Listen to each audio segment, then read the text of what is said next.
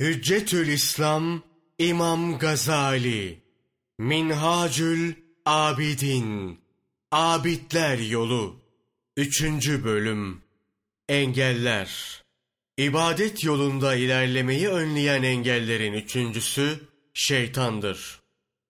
Ey saadet yolcusu! İki sebepten dolayı şeytanla savaşmalı, onu tepelemelisin. Birinci sebep, şeytan senin açık bir düşmanındır. Hiçbir surette sulh kabul etmez. O ancak sen felakete sürüklendiğin zaman tatmin olur. O halde bu uzlaşmaz düşmana asla emniyet etme. Gafleti bırak. Bak, Allah Celle Celaluhu Yasin suresi 60. ayeti kerimede ne buyuruyor? Ey Adem oğulları! Şeytana tapmayın. Çünkü o sizi Rabbinizden uzaklaştıran bir düşmandır diye size emretmedim mi? Fatır suresi 6. ayeti kerimede ise Şeytan sizin düşmanınızdır. Siz de onu düşman edinin. Bu ayetlerden anlaşıldığı gibi ondan son derece sakınmak gerekir. İkinci sebep Şeytan yaratılışı itibarıyla daima sana düşmanlık besleyecek, seninle savaşacaktır. O gece gündüz aldatma oklarıyla seni oklamaktadır. Sen bundan gafil olursan halin nice olur. Sen Allah yolundasın. Halkı da bu yola davet etmektesin. Bu hareketin şeytanın yaratılışına aykırıdır. Onu öfkelendirir. Böyle yapmakla sanki kılıcı kalkanı çekip şeytanın üzerine yürümüş oluyorsun. Tabi o da duracak değil. Senin üzerine yürüyecek. Hile ve desiselerle seni Allah yolundan ayırmaya çalışacak. Seni saptırmak için ölümüne kadar uğraşacak. Çünkü senden emin değil. Sen onun istediği şekilde hayat süren birisi değilsin.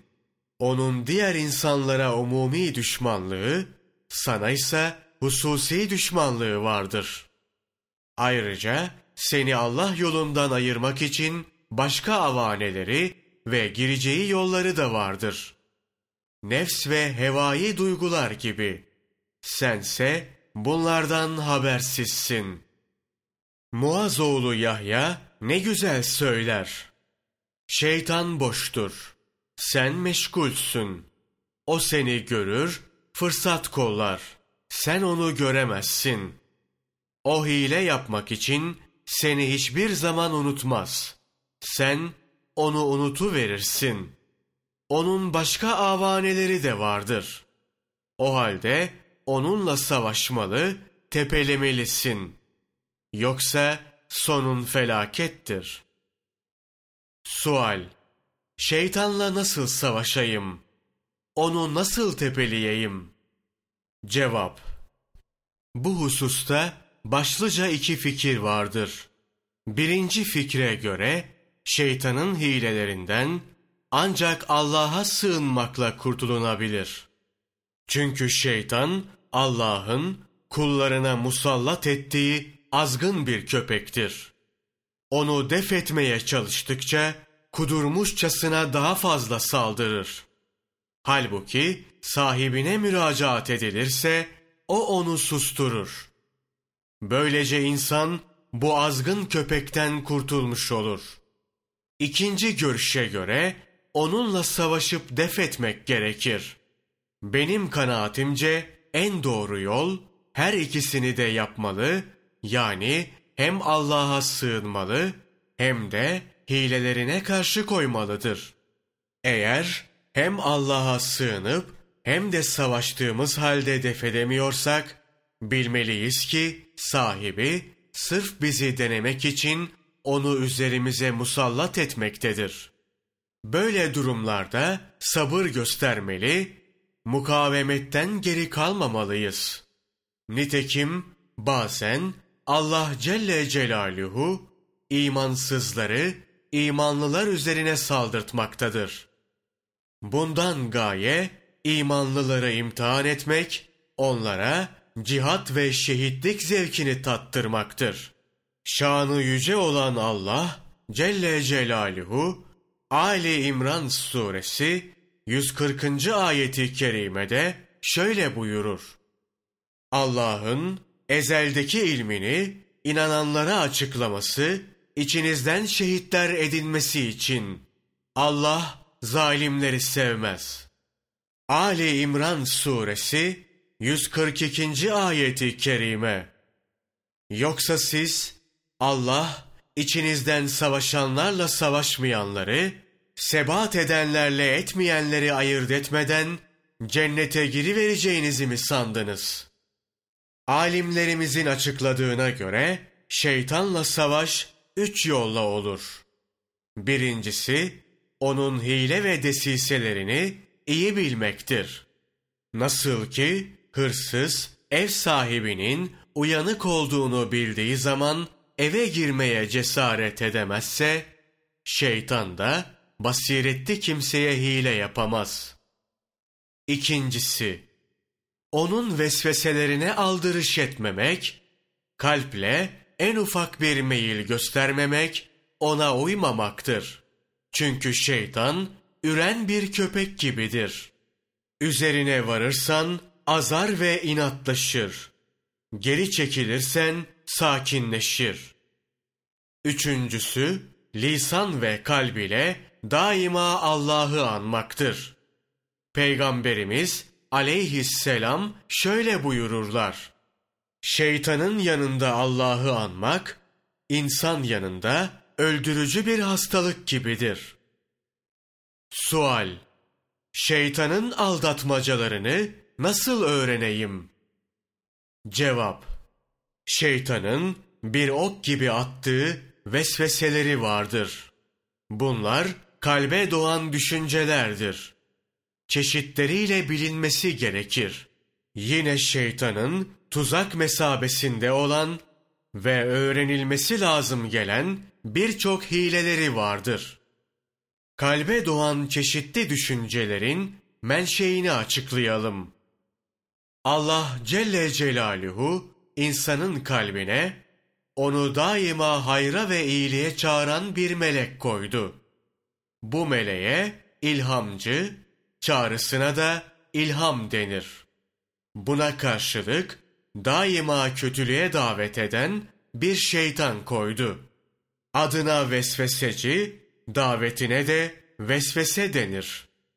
Alimlerimizin birçoğuna göre ilhamcı yalnız hayra ve iyiliğe, vesveseci de yalnız kötülüğe çağırır. Fakat bazılarına göre vesveseci bazen iyiliğe ve hayra da çağırır. Fakat gayesi bu yolla oyun oynamak ve kötülük işletmektir.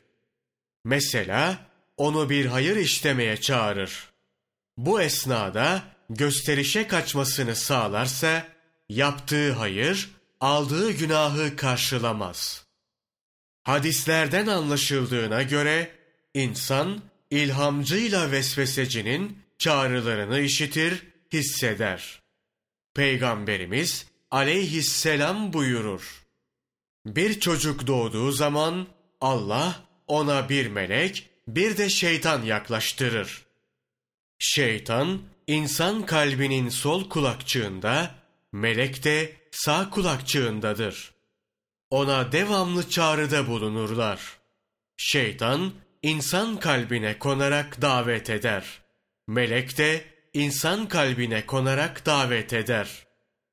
Ayrıca Allah Celle Celaluhu insan bünyesinde zevkü sefaya düşkün bir özellik yarattı. Buna da hevai nefs denir. Böylece çağrıcılar üçe çıktı. İlhamcı, vesveseci ve hevai nefs. Bu açıklamalardan kalbe doğan çeşitli düşüncelerin menşei anlaşıldı. Kalbe doğan düşünceler nedir? Bunlar kalpte hissedilen öyle eserlerdir ki insanı bir şeyi yapmaya veya yapmamaya sevk eder.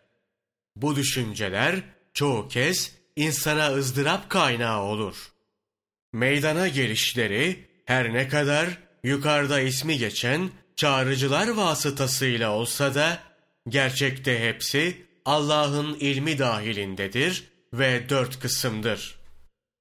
Çağrıcılar sadece sebep durumundadır. Birincisi, Allah tarafından doğrudan doğruya kişinin kalbinde ihdas edilen düşüncelerdir. İkincisi, hevai nefse uygun olarak Allah tarafından kalpte ihdas edilen düşüncelerdir. Bu düşünce nefsin hevasına yüklenir.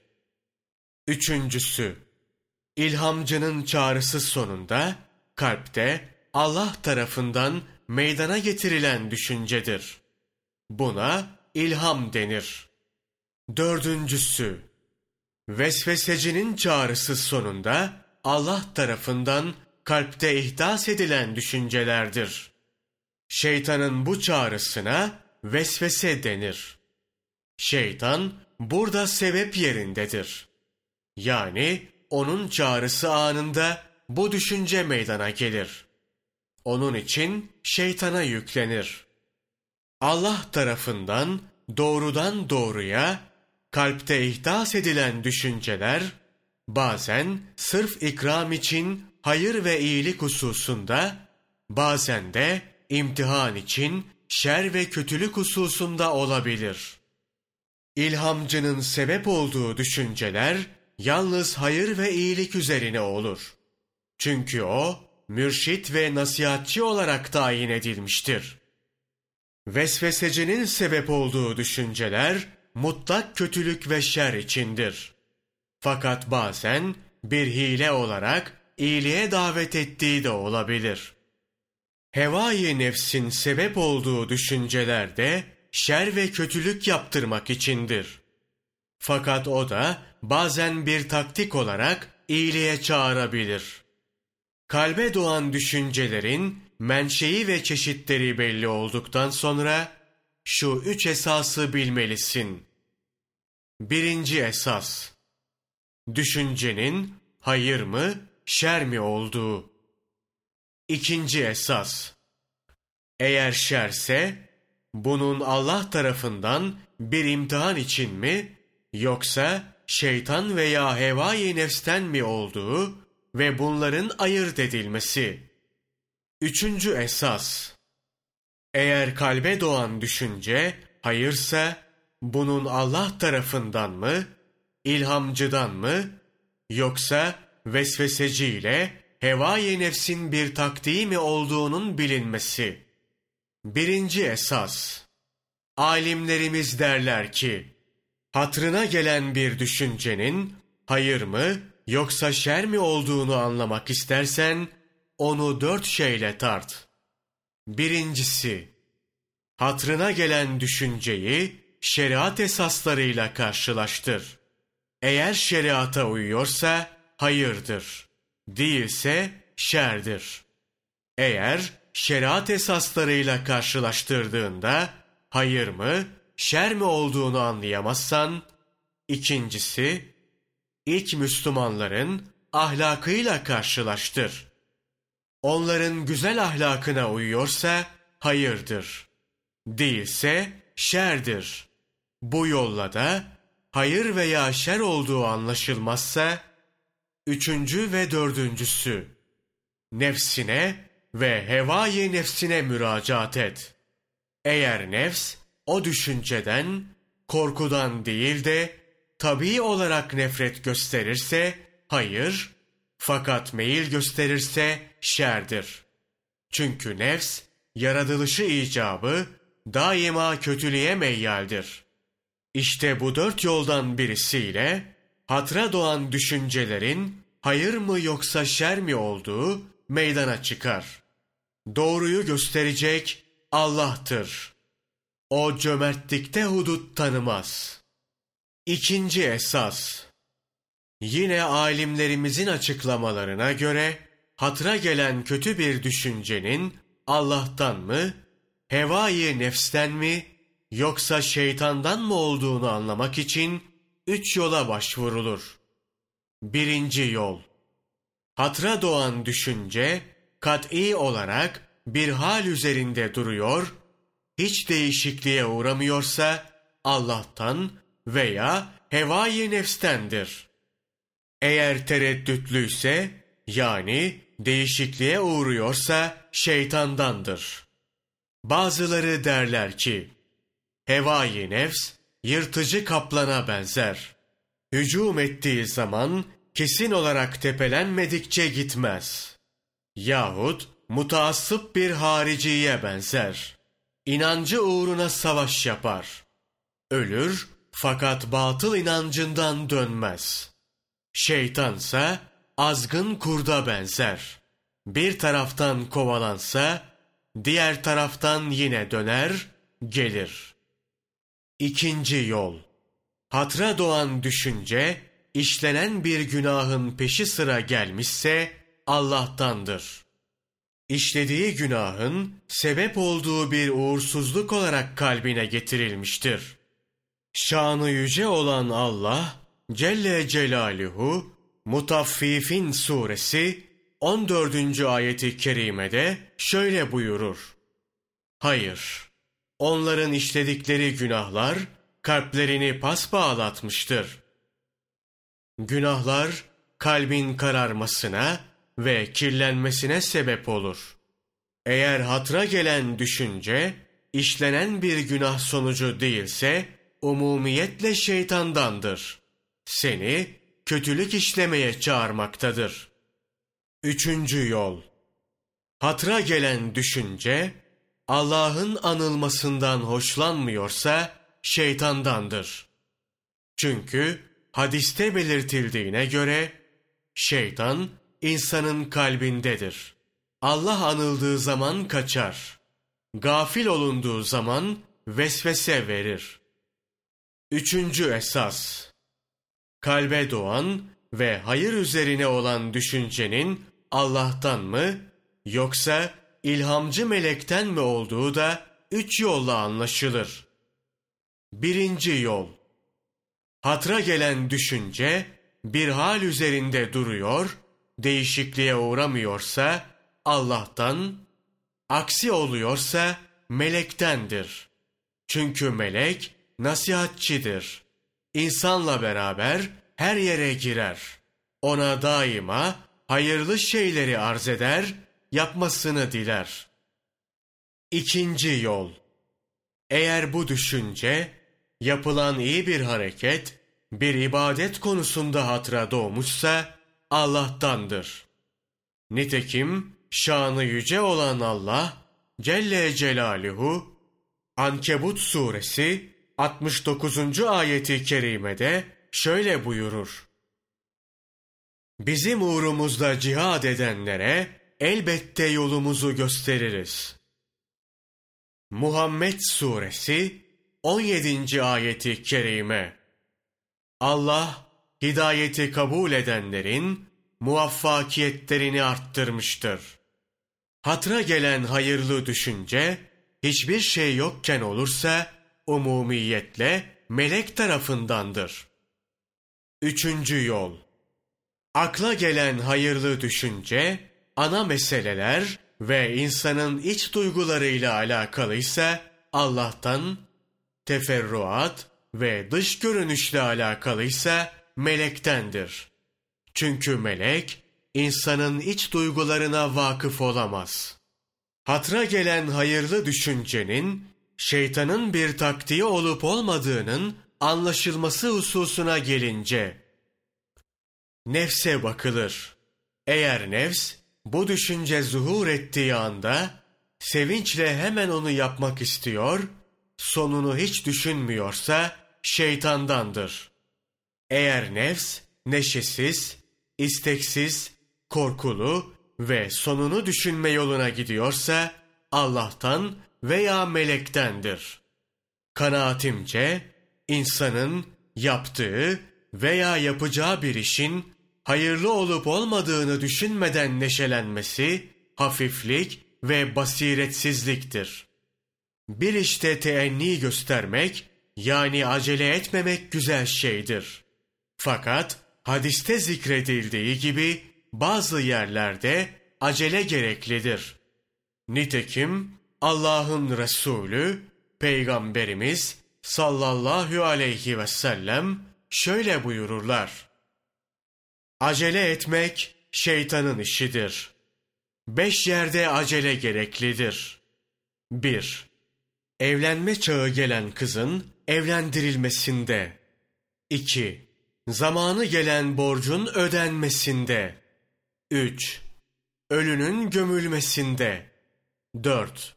Gelen misafirin doyurulmasında. 5.